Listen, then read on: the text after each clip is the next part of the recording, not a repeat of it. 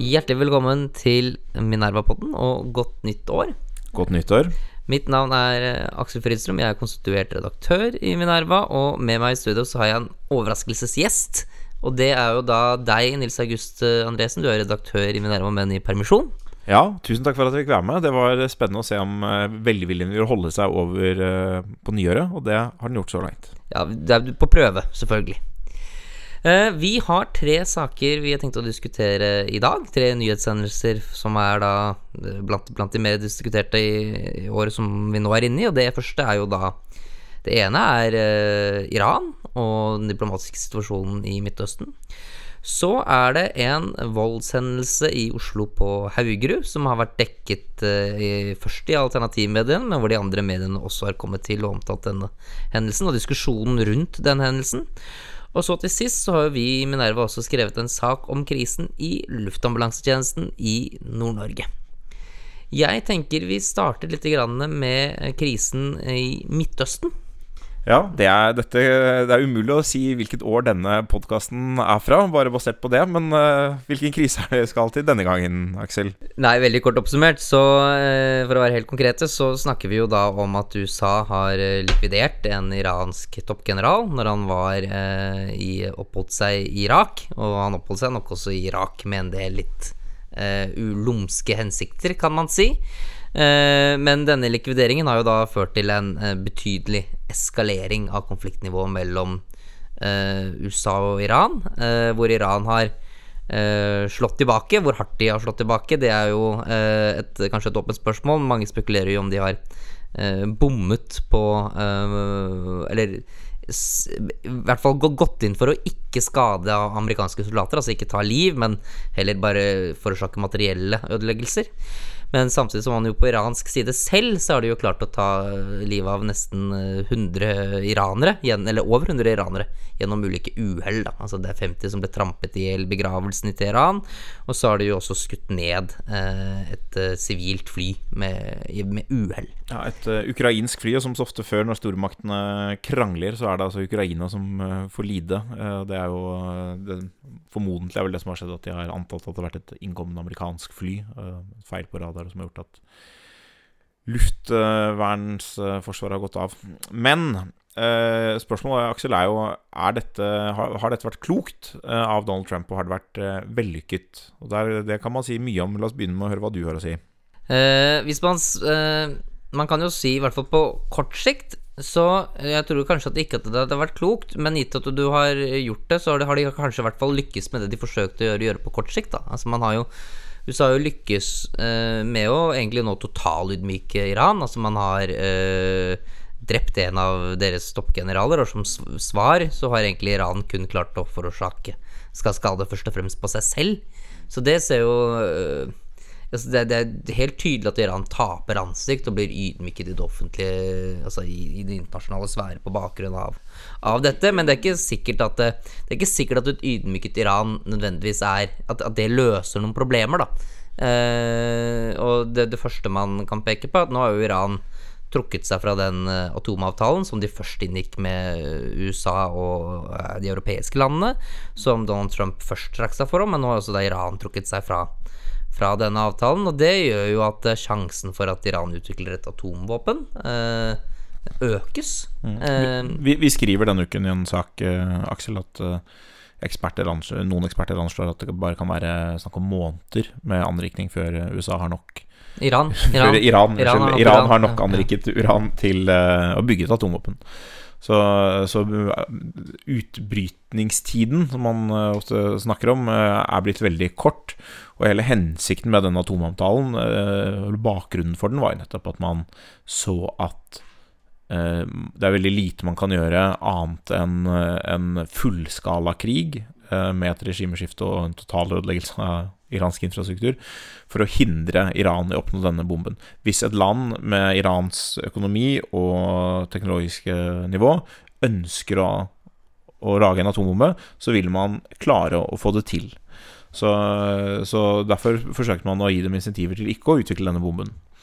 Eh, og det spørsmålet er jo nå hva slags eh, virkemidler man kan tenkes å ha nå.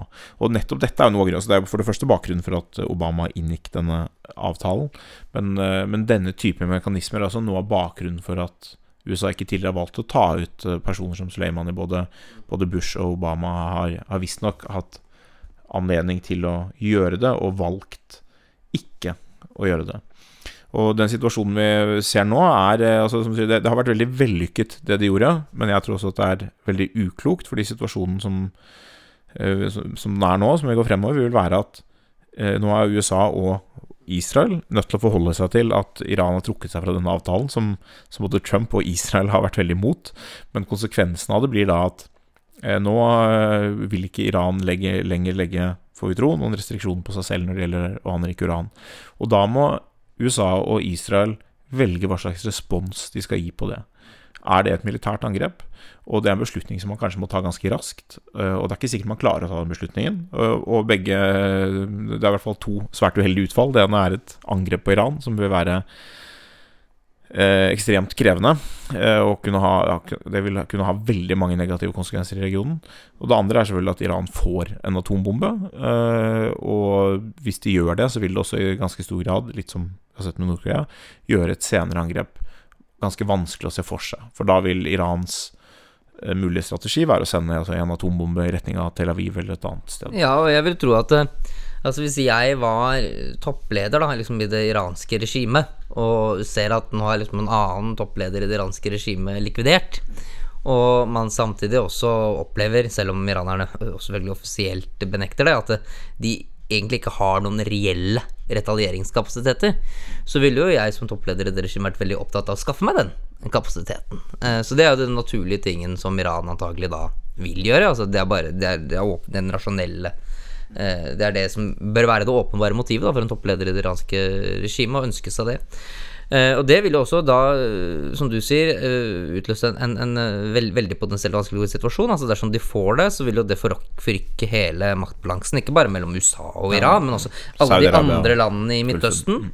Og det er ikke sikkert at amerikanerne heller har en, har, har en, måte å håndtere det på, fordi at det kan jo eksempel så kan man jo se for seg at USA ser for seg en fremtid der hvor USA spiller en mye mindre rolle i Midtøsten. Altså hvis Vi er ikke så interessert lenger i dette. Eh, og det, på sett og vis så kan jo amerikanerne i hvert fall i, større grad gjøre det enn før. Altså De har de selvforsynte med energi. Det er jo et atlanterhav mellom USA og Midtøsten. Men Israel vil jo aldri kunne leve med en sånn situasjon. Og da vil du kunne få en et potensielt scenario der hvor israelerne har lyst til å angripe, amerikanerne ikke vil angripe, f.eks. Hvis du får et israelsk angrep på de iranske atomanleggene, så er jo sjansen for at det er vellykket langt mindre, for at Israel har mindre, mindre reelle kapasiteter til å gjøre det. Eh, et, et mislykket angrep på de fasilitetene vil kanskje være det, aller, aller aller verste scenarioet. Eh, det kan hende Israel er nødt til å leve med det, det er jo både hvis det, hvis det skjer. Det som er litt interessant der, er jo hva, hva slags plan ligger eventuelt til grunn for det amerikanske angrepet. Og det man har sagt som en offisiell grunn, som eh, mest sannsynlig er, ikke er reell, er at det forelå umiddelbare trusler. Uh, som da Soleimani skal ha liksom, holdt i spakene for. Uh, det er veldig litt sannsynlig, fordi man vil ikke kunne avverge en, en, en akutt trussel ved å måte, ta bort en toppleder. Da må man gå mye lavere ned. Mens andre typer trusler vil, ikke, vil jo ikke på sikt være avverget av at han er borte. Eh, så det, Hva er da grunnen? Altså Grunnen til at dette har skjedd nå, er jo høyst sannsynlig den eskaleringen som har skjedd for så vidt hele tiden etter at Trump har trukket seg ut av den avtalen, eh, hvor eh, Iran har begått en rekke provokasjoner og, og unprecedented handlinger, spesielt et angrep på saudiske oljeinstallasjoner i fjor høst. Så det har eskalert, og USA har gjort noe tilbake, og så har Iran gjort noe. Og så var det da en amerikansk person som ble drept i en eh, protest i, i Irak eh, like før, før, nyttår, eh, og det avstedkom da dette her, og så har det liksom balt på seg. Men, eh, og det er jo da sannsynligvis den reelle grunnen, men det er jo samtidig da en veldig dårlig begrunnelse for en handling som endrer strategiske parametere i Midtøsten. Og det er klart at Selv om Trump kanskje i hjertet er en isolasjonist og, og, ønsker at USA skal være ut av Midtøsten, så er det på den ene side mye som tyder på at han for så vidt også er av typen som uh, ikke har noe som på en del av dem ønsker seg kanskje litt grann en krig med Iran. Det er mange, mange amerikanske hauker som har ønsket seg en krig med Iran. Uh, men uh, det er jo også et spørsmål om et Altså å få en ny atommakt i Midtøsten, om det er en om det ikke er en såpass alvorlig strategisk forrykning eh, at selv et isolasjonistisk eh, USA er nødt til å på en eller annen måte håndtere den situasjonen. Jeg tror vi må videre i podkasten, og da er det nok et tidløst tema. Eh, hvilket år er vi? Det er, snakker vi da altså om en, en voldshendelse på, i Oslo øst. Det jeg. Eh, og eh, det, for det som har skjedd, eh, det er at natt til første nyttårsdag så var det to menn som var eh, på vei eh, hjem, sies det, som da ble overfalt av eh, flere personer og endte på eh, legevakten. Eh, Denne hendelsen var jo ikke omtalt i noen eh, si, etablerte medier før det ble plukket opp av Resett, som eh, i all hovedsak siterte åpne kilder da, på sosiale medier, eh, som eh, i hvert fall, eller du kan si at de gjengir rykter på sosiale medier, da, som eh, helt korrekt identifiserer at denne hendelsen har funnet sted, men hvor mye av detaljene er, er, eh, er gale. Og så har jo da også dokument.no, de har jo fulgt opp da med en med en sak om at det nå liksom fortier da både politiet og de etablerte mediene, de fortier denne hendelsen. Eh, vi har jo da intervjuet politiet. For det er en viktig sak å finne ut om eh, politiet faktisk fortier det, og det har Minerva klart å finne ut av, Ja, av dette. politiet sier i hvert fall selv at de, de, de ikke fortier det. eh, Men eh, jeg tror nok likevel at politiet kan kanskje gjøre bedre, fordi at eh, Hva, er det politiet sier? Hvorfor er det det har tatt såpass lang tid? Altså nå har jo politiet etter hvert gått ut med informasjon om hendelsen, men hvorfor tok det såpass lang tid før de gjorde det? Nei, altså I det intervjuet som de har gitt til oss, så forklarer politiet at uh, Resett skrev denne saken på lørdag, at de ikke hadde nok ressurser på jobb til å liksom svare på det da før ute på, på mandag ettermiddag. Uh, og det kan jo være at det er sant, altså, eller jeg tror at det er sant, men jeg tror ikke det er det er, det er veldig klokt av politiet å, å, å legge opp sin kommunikasjonsstrategi på den måten, da. Fordi at Eh, det det her er snakk om, var jo den, en, denne saken hos Document blant annet, var jo blant de mest delte og omtalte sakene i sosiale medier i Norge i år. Eh, og hvis politiet eh, har en ambisjon om å være til stede i sosiale medier og være en proaktiv aktør som kommuniserer om hendelser, så bør jo det absolutt være prioritert for politiet å, å, svare, å svare på det så fort som mulig. For det er veldig eh, skadelig for politiets troverdighet generelt, tror jeg, da. Dersom liksom en aktør som Resett Document kan si at å, politiet vil ikke svare, dette dysses ned og den type ting. Og da er det bedre at politiet eh, enten eh, allerede 1.1. da, proaktivt kommuniserer om dette, eller i hvert fall når noen andre omtaler det, er ganske raskt ute med å, bekrefte hva som har skjedd, og hva man vet og hva man ikke vet i en sånn sak. Hva tenker du om at eh, andre etablerte medier har eh, brukt så lang tid på å være på denne saken? Hva, hva skyldes det, og hva, hva kan du si om deres dekning eh, nå i ettertid? Jeg kan jo si at eh, jeg forsøkte jo selv da å være på den saken så fort Eller, eller våre ressurser. med en gang den ble omtalt hos, hos Resett. Og av det som ligger hos Resett, så er det jo da, som det går an å ta utgangspunkt i, er jo en del materialer som som regel er eh, sakset fra sosiale medier, hvor det er ganske vanskelig å validere om en person som uttaler seg om en sak på sosiale medier, snakker rett eller sant. Så det er ikke en originalkilde som du kan bruke til å validere eller ikke validere detaljen i hendelsen. Og så henvendte vi oss også til politiet med et ønske om å, å, å kunne få informasjon da, til å skrive om denne saken. Og det fikk vi veldig sent. Så fra Minervas side så var det vanskelig å egentlig omtale denne saken. Egentlig Selv om vi gjerne ville med en gang. Altså Vi har jo ikke noe ønske om å Men, men en avis som VG, nå skal jeg fortelle en liten uh, personlig historie om, uh, om kriminalitet. Da jeg, der hvor jeg bodde før, så satt jeg en kveld ute på uh, terrassen. Og så Klokken var vel sånn ett om natten omtrent, og plutselig så hørte man uh, sirener og sånn biljaktlyder. Og det er ikke alle som vet hva biljaktlyd er, men hvis man har sett mange filmer, så kjenner man, det er en lyd man kjenner igjen fra film. Vanskelig å beskrive, men det er noe med hvordan dekk eh, skrenser osv. Og, så og plutselig så, så smeller det noen bildører, og så hører jeg at uh, noen roper 'Legg deg ned! Legg deg ned!'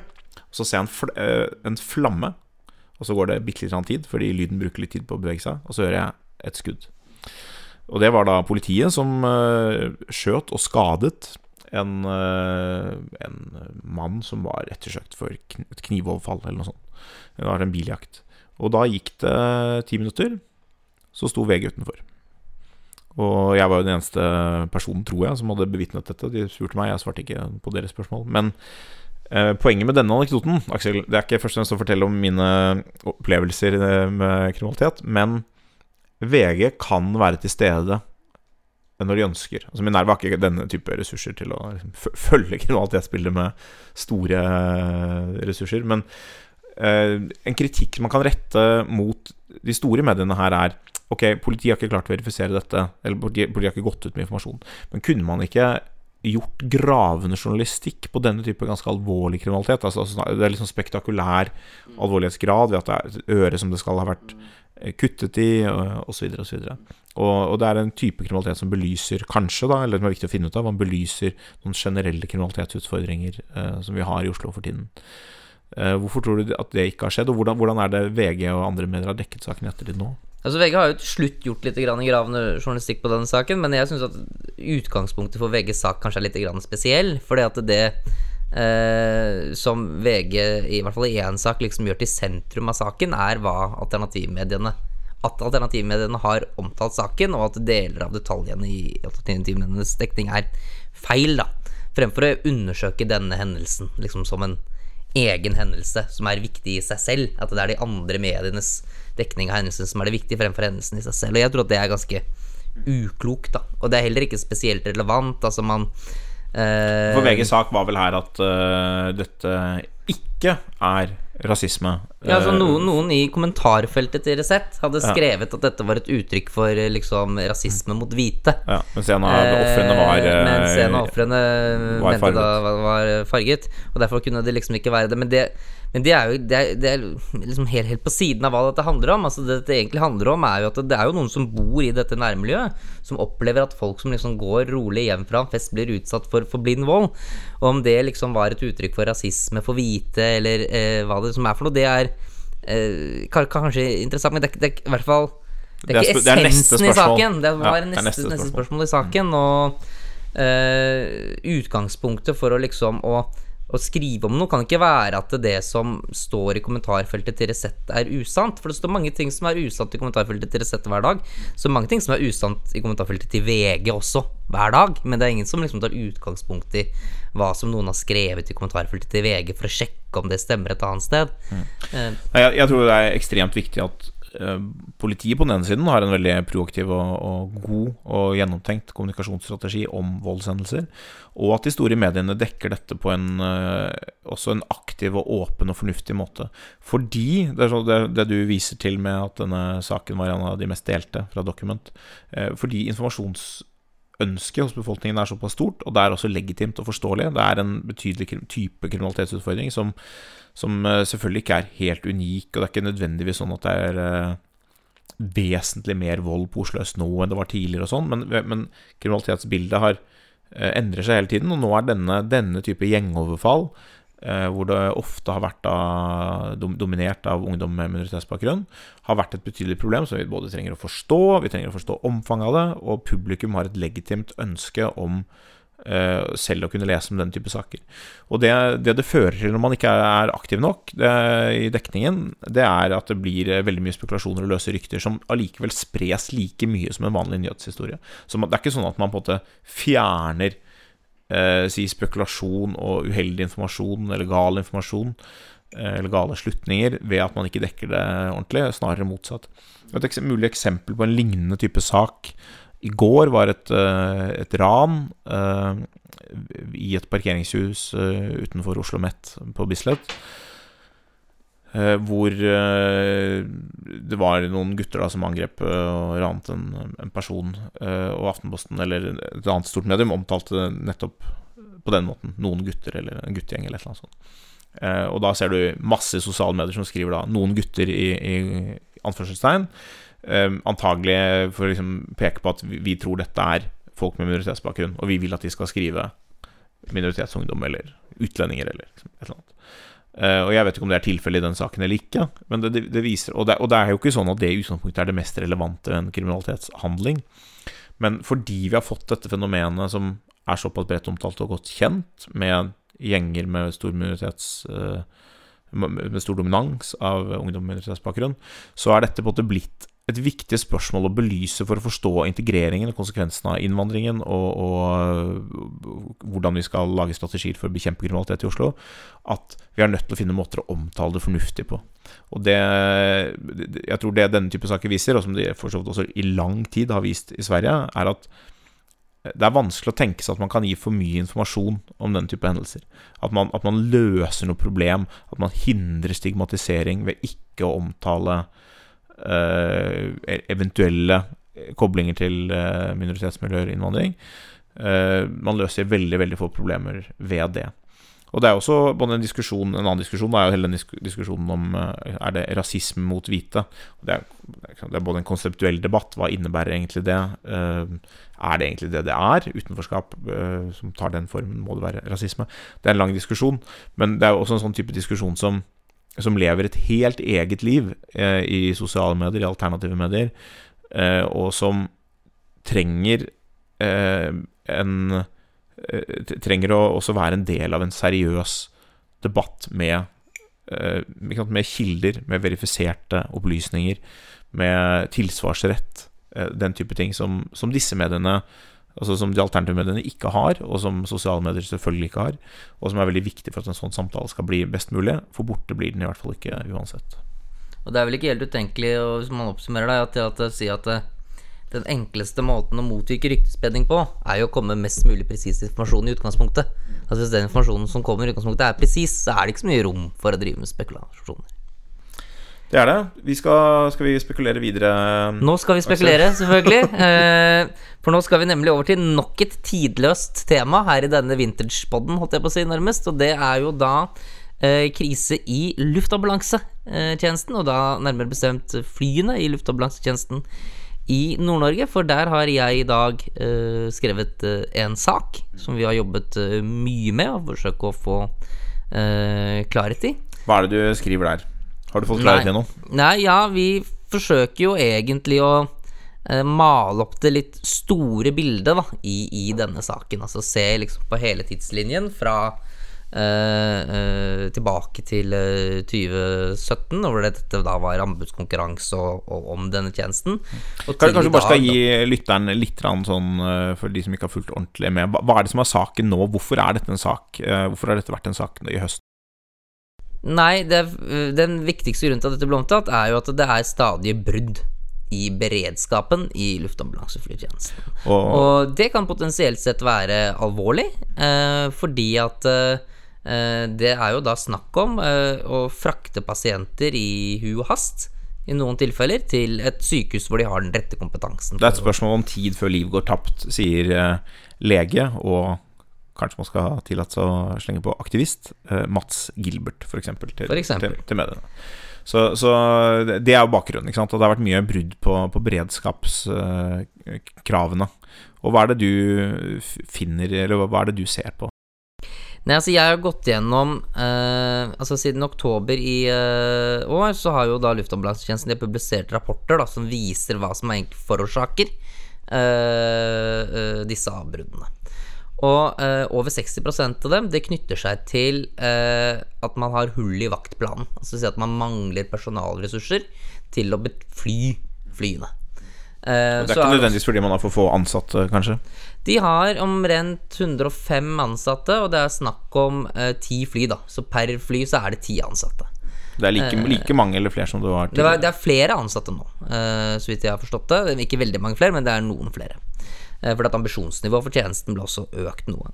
Eh, men likevel da, så har man da mye større problemer med å fylle denne vaktplanen. Eh, og det å dekke over for uforutsette hendelser som sykdom eller at noen må jobbe overtid etc., enn det man liksom hadde før. Og eh, det jeg da har sett på, altså hvordan, hvordan, kan det være liksom at det nå plutselig har blitt så mye mer vanskeligere, og for å se på det, så må man se på den konflikten, eller i hvert fall noen spor i den konflikten som har vært, mellom da flygerne som var ansatt hos den forrige leverandøren, som mistet anbudet, og nå da det som har blitt deres nye arbeidsgiver, etter at de har fremforhandlet en kollektiv ansettelsesavtale med den arbeidsgiveren. For alle, alle flyverne fra det forrige selskapet er da blitt med over. Nesten denne, alle. Nesten alle. Gjennom denne kollektive avtalen Ja. som det var mye strid om. Ja, fordi at det som skjedde når øh, øh, det var klart at det var en annen leverandør som ville komme inn, så måtte jo den leverandøren da, som er et internasjonalt selskap, rekruttere piloter til å betjene dette oppdraget i Norge, og det hadde de omtrent to år til. Og det selskapet det hadde, fikk, tror jeg, flere hundre søkere til å fylle opp de eh, plassene. Så de hadde et godt grunnlag for å kunne rekruttere.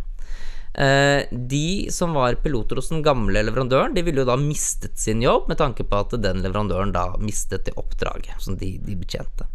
De ønsket da selvfølgelig, eh, ideelt sett, å gjennom lov kunne følge med til det nye selskapet, men det kunne de ikke gjøre. Eh, derfor ble det satt i gang en eventuelt en forhandlingsprosess der man kunne forhandle om å kollektivt ansette alle de.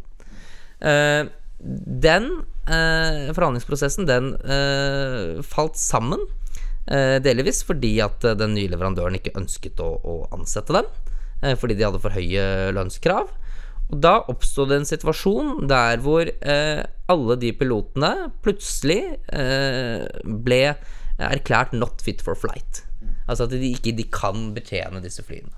Dette er ikke direkte sykdom, men det er ikke, ikke helt frisk nok til å fly. Er det Ja, altså det er en måte å eh, erklære Altså det er en, en ganske fornuftig bestemmelse antagelig med tanke på at det å fly er et viktig ansvar. At du trenger ikke nødvendigvis å få en legeerklæring. Det holder at du sier at ok, nei, jeg føler meg ikke klar nok i hodet i dag, så jeg kan ikke fly. Og da får alle de eh, pilotene får da samtidig det, det innfallet, noe som kan liksom peke på at det liksom er noe som koordineres her, eller et eller annet, da. Eh, og i dokumenter som vi har fått tilgang til, så står det jo også før dette skjer, altså, for dette skjer den 27. april i 2018 Altså under den forrige leverandøren. Under den forrige leveransen. Før dette skjer, så står det at uh, man liksom uh, har forbereder tiltak da, for når alle pilotene skal bli syke samtidig, og hva skal vi liksom gjøre Sånn da? at alle flyene står på bakken. Alle flyene står på bakken. Uh, og så to uker etterpå så, så skjer det, alle flyene står på bakken, og det utløser jo da eh, panikk. For det er klart at det er veldig farlig hvis alle ambulanseflyene er ute av spill samtidig. Da kan ingen eh, komme bli fraktet til UAS til sykehus hvis de, hvis de trenger det, så det er en veldig farlig situasjon. Eh, og eh, disse pilotene skriver jo også eh, da innlegg liksom i avisen og sier ja, det kan være at jeg blir not fit for flight igjen, liksom. Det er så og- stressende situasjon. Det er så stressende Jeg vil bare si én ting. Hvis man er av den eh, støpning at man med tanke på at man muligens må finne en ny arbeidsgiver om halvannet år, altså halvannet år frem i tid eh, Hvis man har den støpningen at den situasjonen preger deg så mye at du ikke er i stand til å fly, da er du i feil yrke. Da, da er jeg litt, litt hard, men da er, du i, er du i feil yrke. Og det er også, jeg vil også si, i utgangspunktet ekstremt lite plausibelt. Ekstremt lite plausibelt at folk som er kvalifisert som piloter, det er en veldig krevende utvelgingsprosess, er såpass skjøre, for å bruke et eh, direkte uttrykk, da. At de, at de lar en sånn situasjon prege seg så mye at de ikke klarer å, å fly. Må tenke på alt mulig annet som kan, eh, kan dukke opp, som da vil eh, sette dem ut av stand til å utføre oppdraget sitt. Så er det i så fall en veldig betenkelig situasjon. Men i hvert fall frykten for at disse da skal uh, bli så oppskaket da, at de er not fit for flight uh, ganske ofte frem til den nye leverandøren som da får uh, ha kontrakten ett og et halvt år frem i tid. Den er jo da såpass stor. Altså det, det skaper masse furore i mediene, og eh, Rødt blant annet et forslag på Stortinget om at kontrakten til den nye leverandøren må annulleres. Fordi at den leverandøren som har oppdraget i dag, ikke, ikke leverer tjenesten. Har et problem med er- sin fagforening. Med, med sin fagforening. Så det er en veldig veldig spesiell situasjon. Men dette leder jo i hvert fall til at uh, forhandlingene mellom da Babcock og disse pilotene gjenopptas. Og at disse pilotene, som da har eh, plutselig vært veldig flight, faktisk får jobb i det nye selskapet, og at de da langt på vei avslutte rekrutteringsprosessen, selv om hvor de da hadde flere hundre andre søkere. Så nå er jo da disse pilotene blitt med over med da en lønnsavtale til da Babcock. Med, og da skulle man jo kanskje tro at da var konflikten liksom over. Eh, men det er det kanskje heller ikke så mye grunn til å tro, fordi at eh, det man ser av hendelsesforløpet, er at eh, når det dukker opp eh, konfliktpunkter, så må det hele tiden til med nye forhandlinger. Så et eksempel er eh, treningsopplegget. Altså disse pilotene eh, har jo flydd en flytype som heter Beach 200. de, i det nye anbudet, en, en, hvor det skal brukes mer penger, og det skal bli en oppgradering av tjenestetilbudet, så får de en mer moderne flytype som heter Beach 250, men det er samme produsent, det er en modernisert utgave av samme fly. Og for å gjøre det, så må pilotene gjennom en, eh, en opplæring. Eh, det er avtalt at de skal eh, starte på opplæring i februar, men der er det da slik at den gamle arbeidsgiveren ikke har skrevet under en protokoll som gjør at de kan frikjøpes fra de oppdragene de da hadde, som gjør at de kan møte på den opplæringen i tide. Så det blir da umiddelbart forsinket.